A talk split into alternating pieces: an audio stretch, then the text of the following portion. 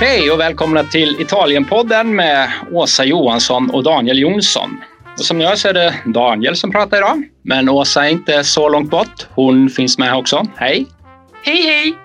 Hur är läget i Florens? Och idag är det strålande väder, eh, sol och eh, blå himmel. Mandelträden står i blom och alla tulipaner. Och det växer så det knakar. Så det är så här, doftar, doftar vår i Toscana. Skönt. Här snöar det idag i Stockholm. Är det sant? Ja, det var jättefint väder förra veckan men nu så är det eh, igen och minusgrader. Ja, jag skickar upp lite, lite sol till er härifrån. Men gör det. Det är lite nytt koncept nu att vi, vi är med bägge två här och idag ska vi prata om olivolja. Och för att inte du ska behöva bara drabbla på om, om olja alldeles själv så, så finns jag att ställa lite frågor. För du har ju börjat producera olivolja ganska nyligen. Eh, ja. Kan du berätta lite om det då? Ja, eh, det är ett, eh, ett nytt projekt. Vi, vi började, eller vi, vi har alltid producerat olivolja eh, för eget bruk så att vi har faktiskt ätit upp all olja själva.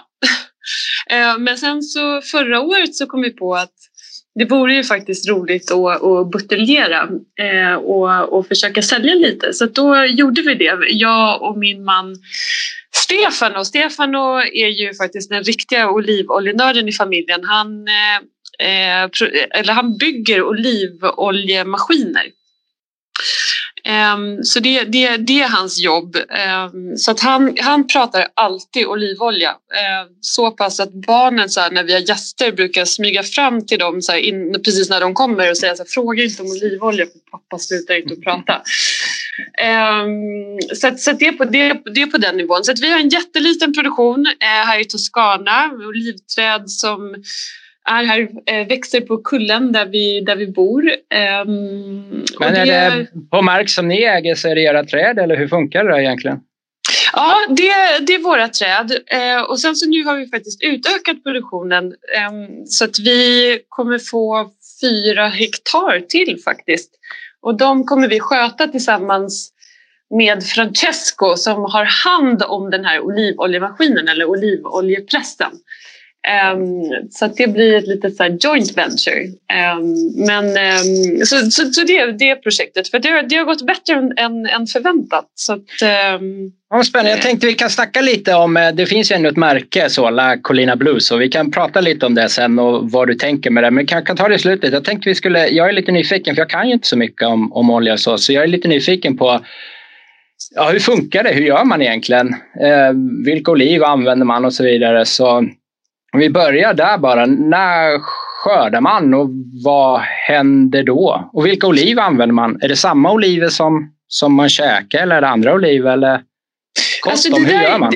Ja, men det är faktiskt jättebra frågor för att eh, när det gäller olivolja så, så finns det faktiskt jätte eh, lite information eller man märker att kunskapen är ganska, ganska låg. Jag själv fick lära mig det mesta när jag kom hit Eh, till, till Toscana. Ehm, det finns eh, dryga 700 olivsorter i, i världen och, och, av de 700 så finns det faktiskt 300 i, i Italien. Så att varje region har sina egna olivsorter. Och precis som med så druvor när man gör vin så ger varje olivsort olika smak på, på olivoljan. Ehm, så här i, i Toscana så är de traditionella sorterna, de heter Frantoio, Lecchino och eh, Morraiolo. Kan du upprepa det Daniel? Nej, jag har, du, du tappade bort mig redan på Frantino eller vad du sa. Ehm, men så det finns jättemånga olika eh, oliver.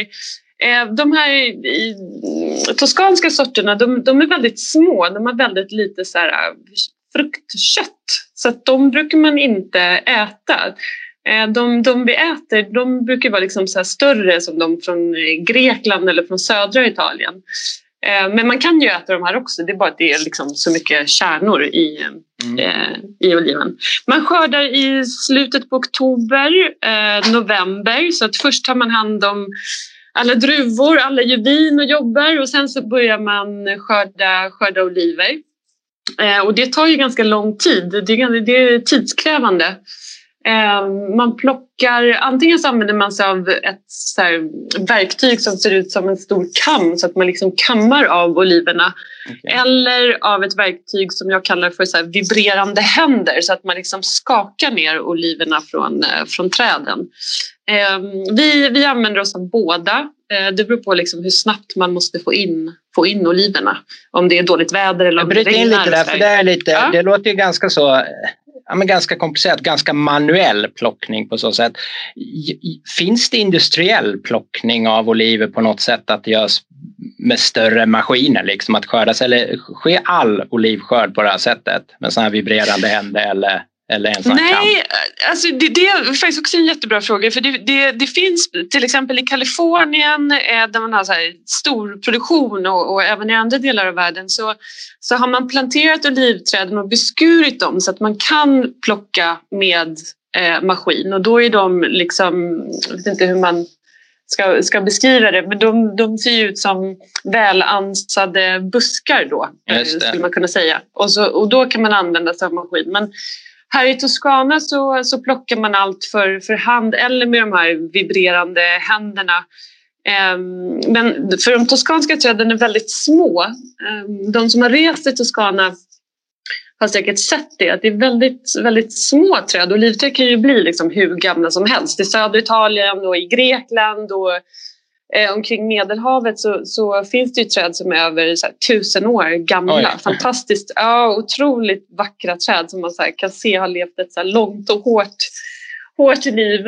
Eh, men här i Toscana så var det så en jättekall vinter 1985 med så minus 20 grader i två veckor och då dog alla de här gamla Oj. träden.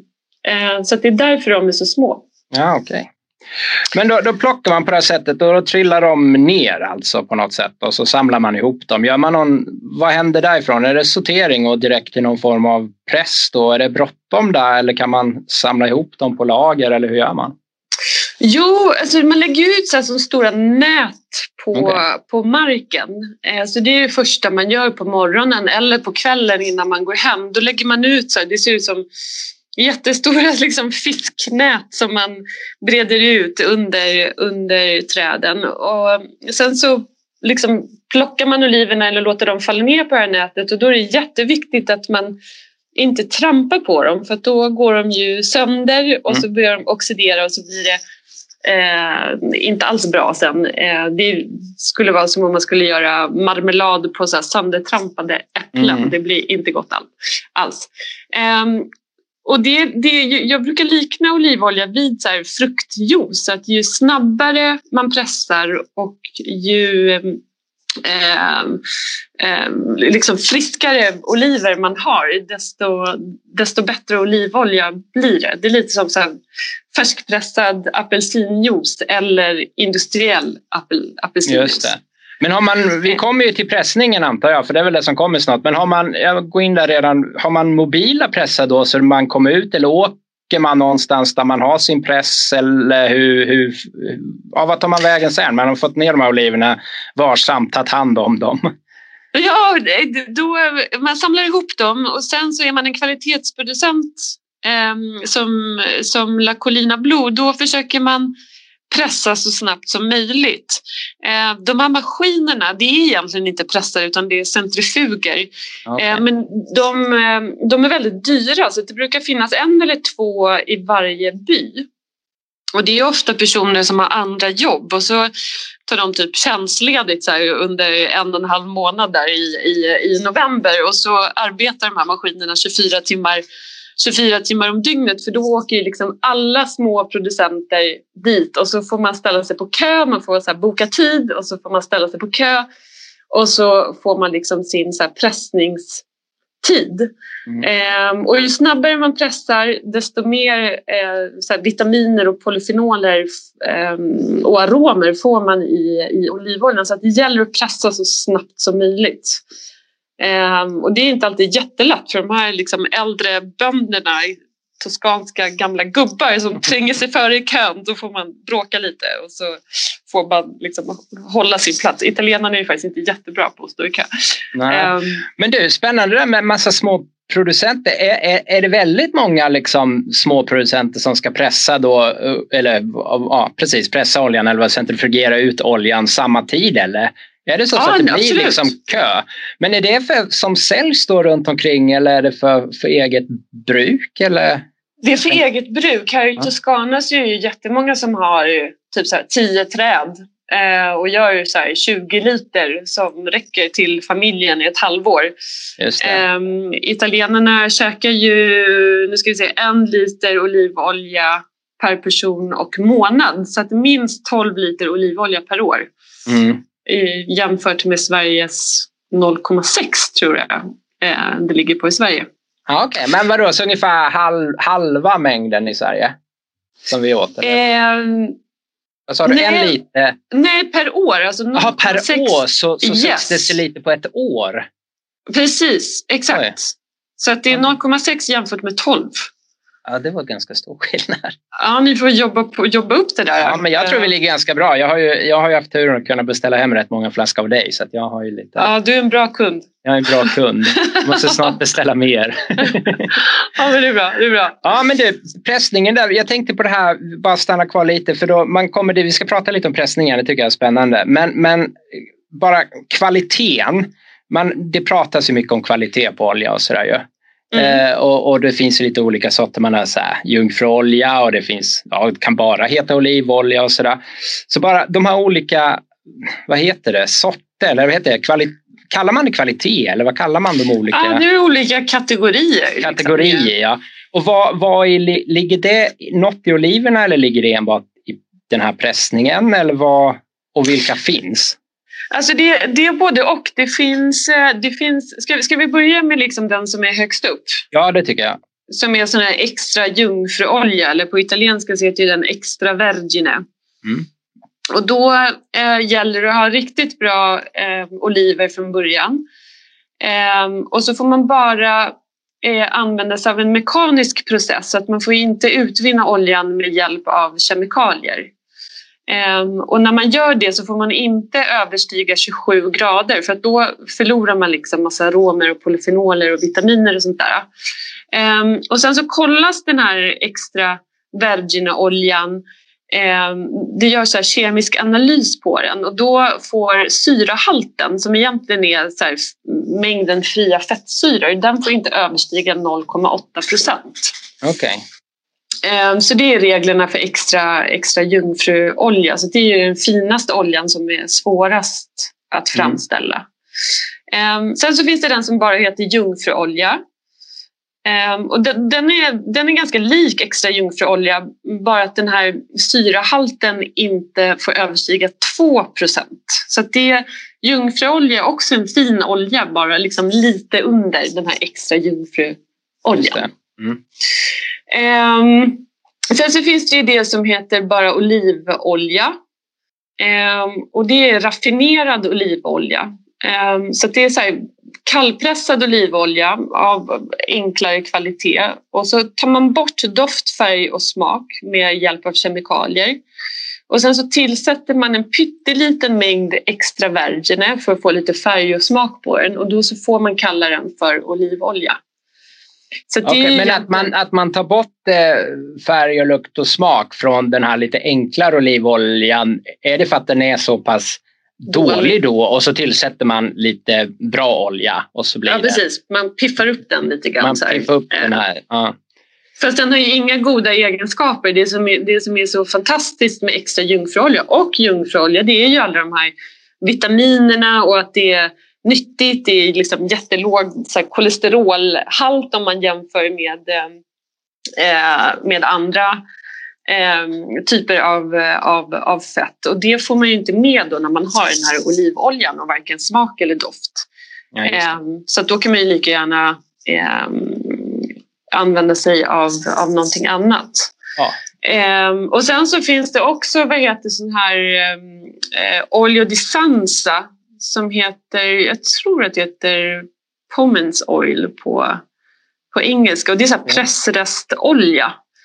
För att när man har liksom pressat oliverna så finns det fortfarande kvar olja i de här resterna och de kan man utvinna också med hjälp av, av kemikalier. Eh, man använder sig av en kemikalie som heter hexan och så blandar man den med vatten och så låter man liksom olja och vatten förångas och sen så separerar man vattnet från oljan. Och det är så en helt smak och doftfri eh, olja. Och så färgar man den lite grön med på konstgjord väg. Och så kan man blanda i lite så extra jungfruolja. Och då eh, så gör man också. Så att, eh, så det, det, det gäller att hålla lite koll där på etiketten vad man, vad ja, man men köper. Precis, jag har förstått att det är mycket där. Men, men innan vi går in på den där med hur man, kan, hur man vet att man köper bra olja själv. För det finns ju liksom en uppsjö av, av olivolja nu för tiden även här hemma. Liksom. Går man in på ICA så finns det väl ändå liksom 20 olika sorter om du är på ett så här. Så vi, vi går in lite på det tycker jag. För det är spännande tror jag vad man ska köpa för olja om man vill ha en vettig olja. Och finns den mm. ens på ICA?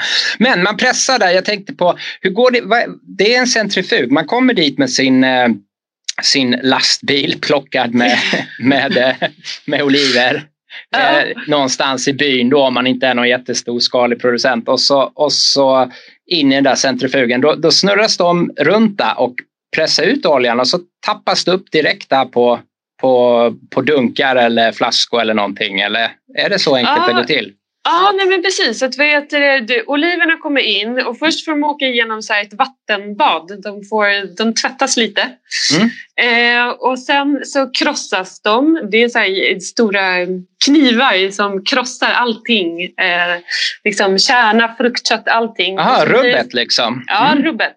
Mm. Eh, nu är det lite så mode, eller har varit, eh, att ta bort kärnorna men då förlorar man också mycket, mycket smak och och annat. Så att mm. de, de flesta krossar liksom, liksom allting. Eh, och då blir, blir det som så här jättetjock smet. Typ så här brungrönaktig smet som man eh, rör runt med sån här arkimedisk skruv. Mm. Um, så att den får snurra runt lite och det gör man så att det ska bildas liksom större droppar av olivolja. Okay. Um, ehm, och när dropparna är tillräckligt stora då låter man den här smeten åka genom centrifugen. Och då separerar man alla hårda delar från vattnet och oljan.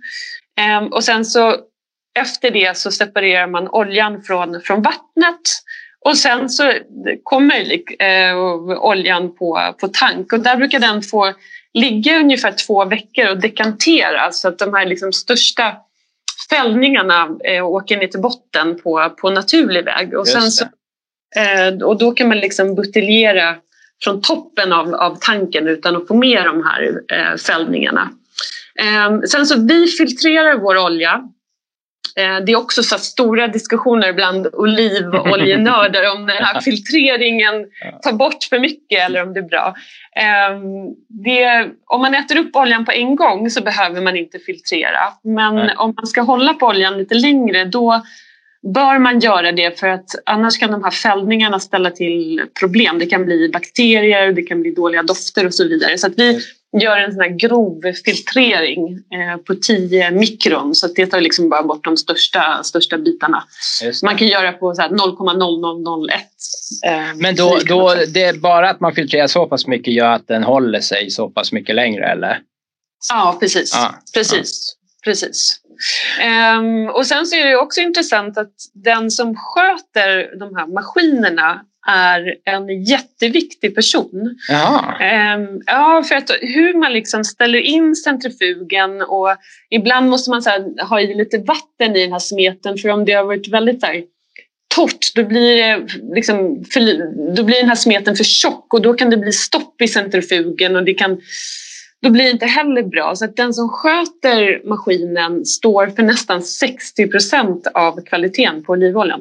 Alltså det är riktigt hantverk att köra den där pressen alltså, eller maskinen. Det är inte ja. vem som helst. Coolt. Nej, Nej, precis. Och eh, det, kvalitetsproducenterna, vi testar liksom olika med samma, samma oliver som är plockade samma dag så åker vi liksom till tre olika pressar och så ser vi vad det blir för skillnad. Och sen mm. efter det så valde vi eh, den press som vi ville använda oss av, som vi tyckte, tyckte ja. var, var duktigast. Så att, eh, det är jätteviktigt att hitta, hitta rätt där. Men du kommer, det tänkte jag på nu när du säger, då landar det på stora tankar som, som måste dekantera det där, sen filtrerar man. Eh, men man, filtrerar man... Innan det, man filtrerar innan det kommer på tank. Okej, okay, innan det kommer på tank.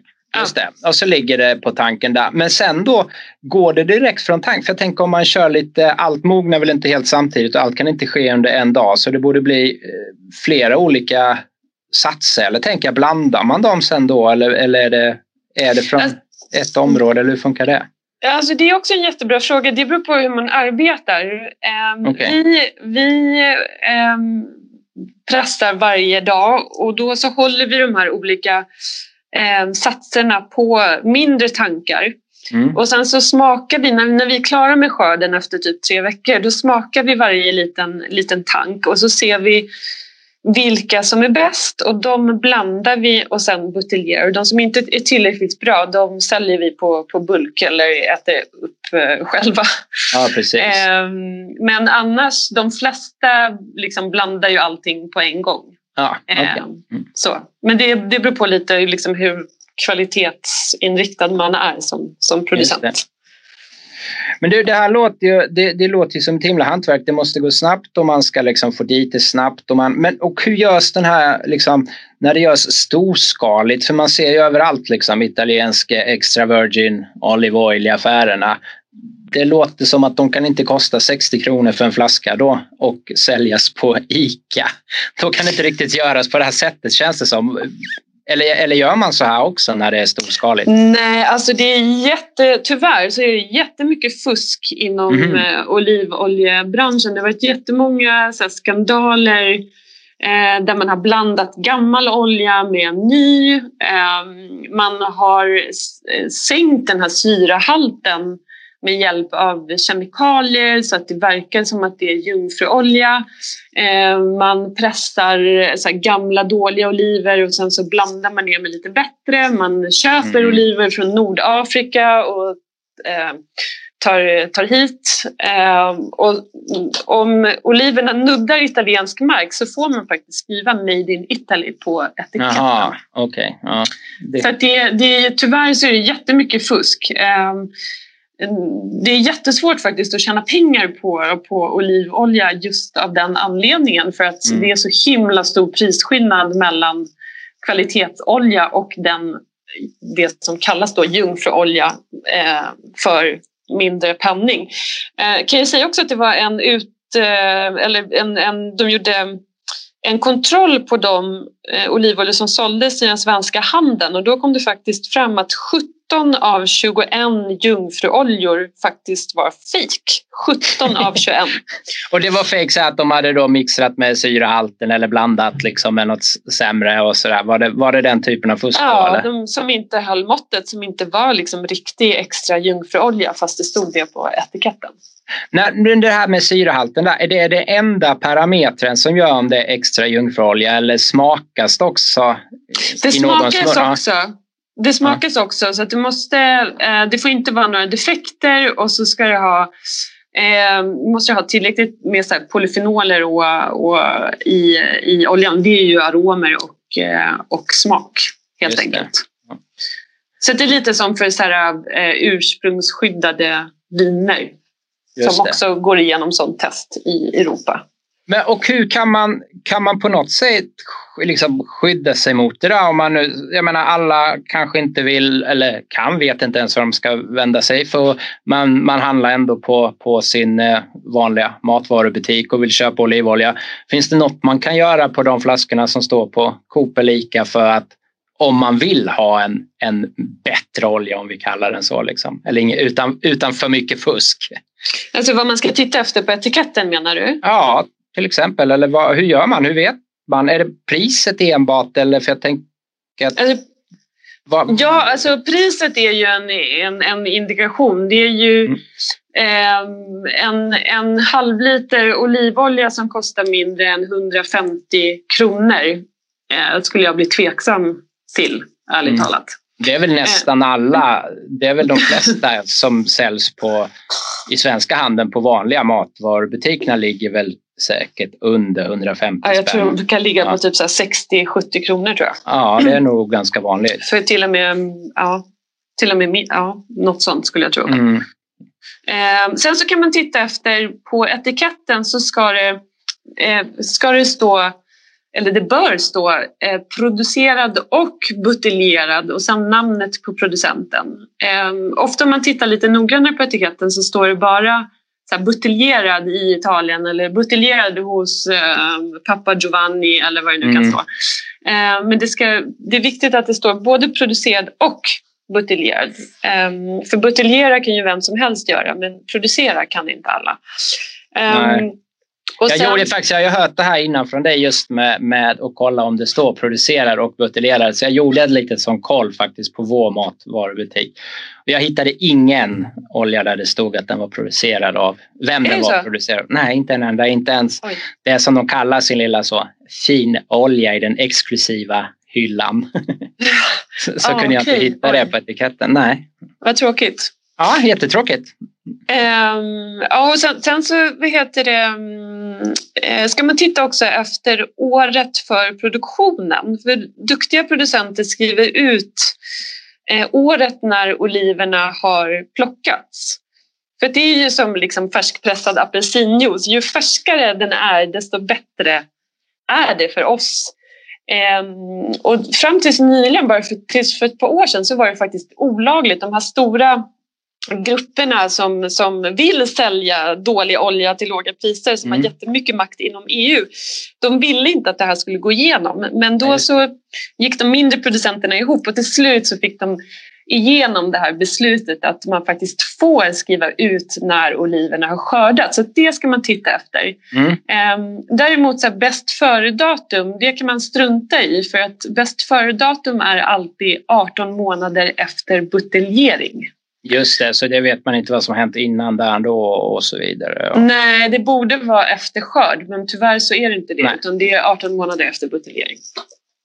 Så det kan man strunta i. Men vi, vi då, jag tänkte då, vad, hur ska en bra olivolja smaka då? Och om man liksom, vad, vad, är, vad skiljer liksom en riktigt bra olivolja? Såklart jag förstår att det är massa olika smaker precis som allt annat. Men vad är den stora skillnaden mellan de här lite fuskoljorna, om vi kallar dem så, och en bra producerad olja? Och eh, hur, hur känner man, kan man känna det liksom otränad? Ja, absolut. Det är faktiskt lättare än, äh, än, än man tror. Ehm, ehm, jag brukar säga att bra, så fina olivoljor, eller välgjorda olivoljor av hög kvalitet, de ska dofta grönt. De ska dofta liksom någonting som kommer från, från naturen. Om det är Mm. gräs eller kronärtskocka eller tomatblad eller vad det nu kan vara så ska det dofta det. Känner man någonting annat så är det antagligen någonting som är fel. Så där kan man helt enkelt lita på sin, sin instinkt vad det gäller doft. Just det. Så doften. Och hur provar man? Jag tänkte på det, för visst, visst provar man olivolja sådär även eh, för skojs skull och liksom vanliga människor som bara tycker det är kul går väl på olivoljeprovningar och sånt där också? Ja, nej men absolut. Och det finns ju, eh, precis som man kan bli sommelier så kan man eh, bli så här olivoljemaestro och lära sig Mhm. känna igen defekter och känna igen olika olivoljor och sådär. Ehm, och då är det en annan sak också man, man, man tittar efter, kan jag bara nämna. Att Mm. en, en riktigt fin olivolja så man gör så här, man får ett litet glas. Eh, glasen är mörka för att färgen kan man egentligen strunta i. Det säger ingenting om kvaliteten, om den Okej. är grön eller lite gulare eller sådär. Har det med oliverna att göra då alltså? Ja, Ja. eh, Mm. precis. precis. Ehm, så att det kan man strunta i. Eh, sen så doftar man, så, som jag sa ska det dofta någonting från, från naturen. Och sen så tar man en liten klunk, um, inget bröd eller någonting annat. Nej, okej. Ehm, bara en liten klunk och sen så låter man liksom olivoljan rulla runt i munnen. Och sen så brukar jag säga att man ska göra som när man, du vet när man slår i tån fast man är på jobbet och man inte Mm. får så skrika högt. Eh, Ja. Så man gör så här, drar in luft på, liksom i mungiporna. Ehm, och sen så, så sväljer man. Eh, när man har svalt då ska munnen vara helt ren. En riktigt fin olivolja lämnar ingen så här fetthinna i munnen. Nej, okej. nej. Eh, men det är ju dåliga oljor. Eh, precis som om man skulle äta smör liksom, så får man så här, eh, som man vill gå och borsta tänderna.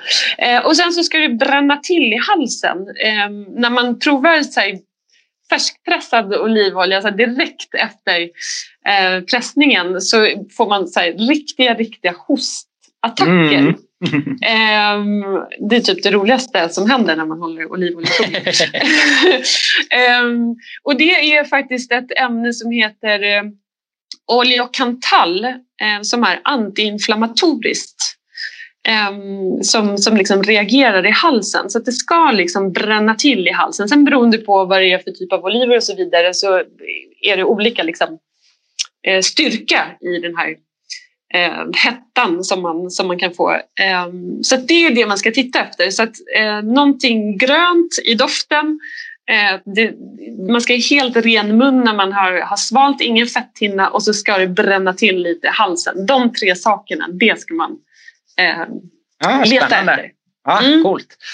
Jag tänkte på, vi, vi, vi, det, tiden springer iväg här. Vi ska inte hålla på hur länge som helst heller. Vi kan ju prata om det här länge, men vi kanske kan återkomma till det en gång. Men jag tänkte på det användningsområdet i olja. Jag vet ju, du, ni använder ju väldigt mycket. Om, vad, hur mycket olja gör ni åt er familj? Uff, och, ja, vi är fyra stycken. Jag tror vi använder, nu ska vi se, Ja, runt 60 liter per år i vår mm. familj. och vad sa du, på genomsnitt i Sverige 0,6 liter ja, um, så att vi, men vi använder ju bara olivolja. Vi äter lite smör så på helgerna på rostat bröd för att det är så himla gott. Men, mm. men, um, All matlagning och så använder ni? Ja, ja, till allt.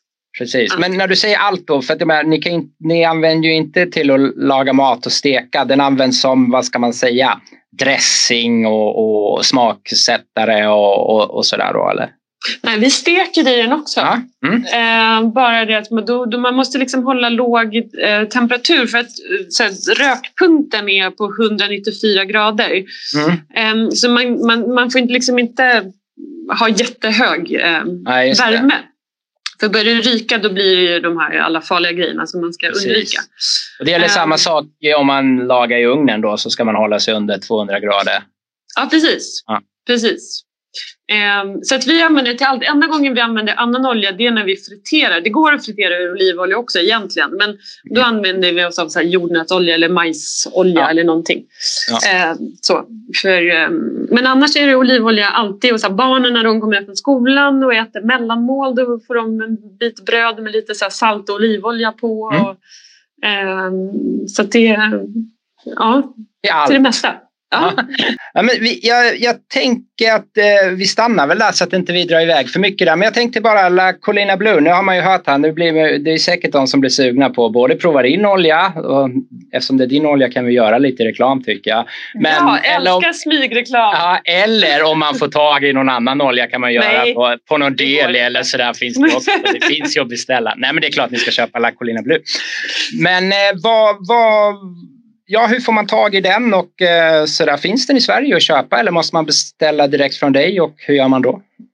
Den finns, eh, den finns i Sverige, mm. eh, i Stockholm eh, på en del eh, restauranger eh, och i butiker och på Lilla Napoli i Falkenberg. Men det lättaste, man kan beställa från oss också, men mm. om det är någon som är intresserad så kan man bara gå in på La Colina Blue Com, eh, och där finns vår mejl så kan du bara mejla eh, och så kan jag berätta var olivoljan finns. Eller om det är någon som har frågor eh, och så, så, så svarar jag gärna. Ah, cool. Bra, mm. men du, då tycker jag vi säger hej då och så, ja, så hörs vi ju snart igen. Ja, nu ska jag ta ett glas vin och en bit bröd med olivolja som aperitif. Det är ju faktiskt, vad är det för dag idag? Det är ju onsdag, eller hur? Det är lill-lördag. Eller hur? Ja, men du, ha det så bra då. Ja, du också. Hej, hej. Tja. Hej.